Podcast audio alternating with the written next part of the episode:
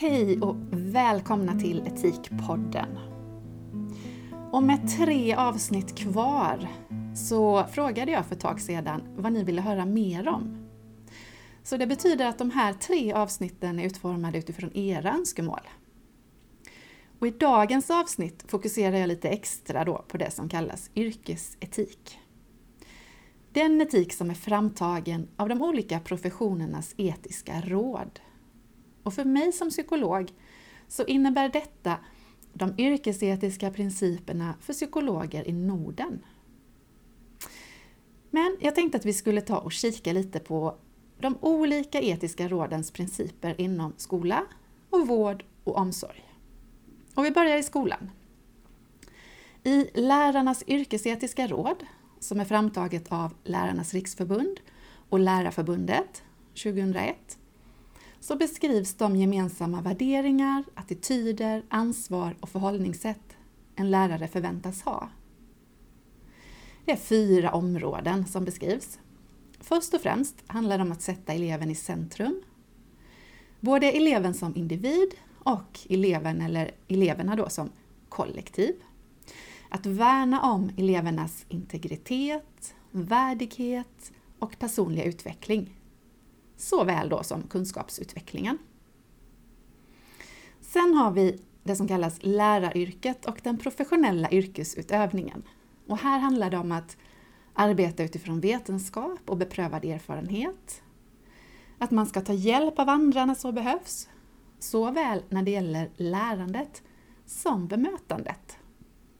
Och, som det också står, även ingripa om en kollega inte agerar på ett etiskt riktigt sätt mot eleverna. Eller om kollegan inte ger det stöd och hjälp som eleverna kanske behöver under skoldagen. Om deras rättighet inte möts upp helt enkelt. Den tredje delen handlar om lärarens samhällsuppdrag. Och där får vi höja oss en nivå, för detta handlar om läraren i relation till samhället i stort och att se skolan som en del av det demokratiska samhället och att läraren i skolan på så sätt ansvarar för att upprätthålla demokratin. Och att demokratin i klassrummet blir en spegling av hur det ser ut i världen, hur vi vill att det ska se ut i världen.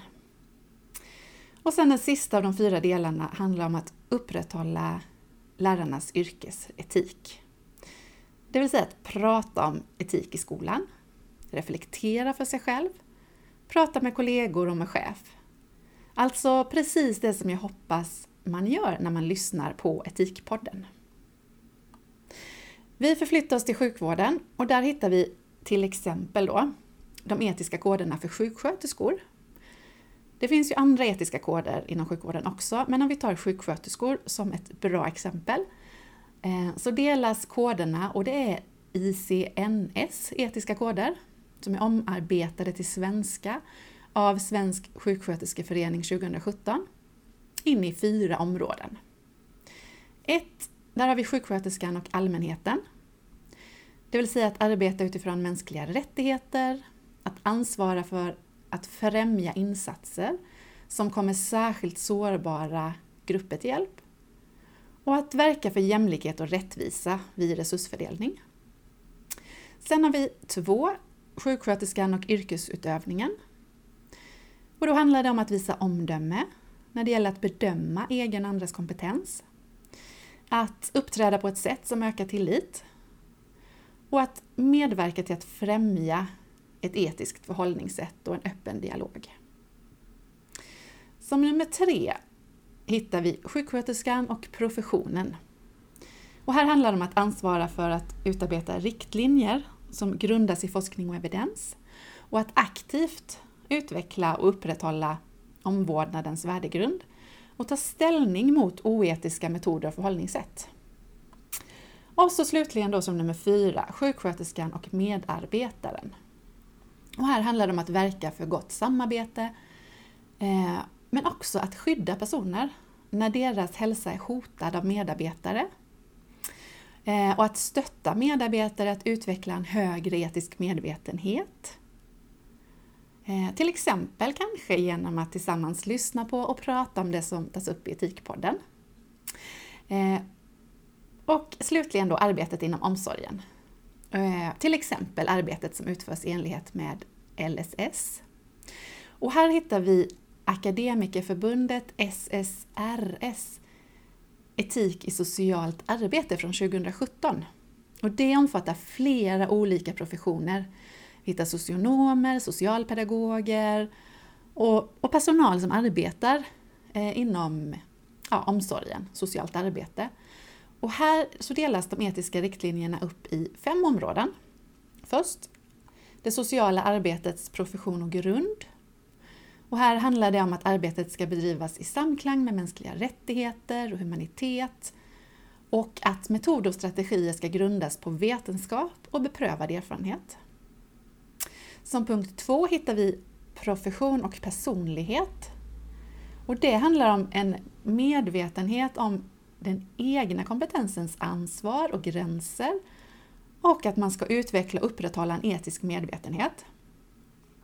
Sen lyfts klienten eller den enskilde upp och här handlar det om att visa respekt för personens integritet, att värna om personens självbestämmande, att hantera uppgifter med sekretess och att aldrig utnyttja den beroendeställning som personen har.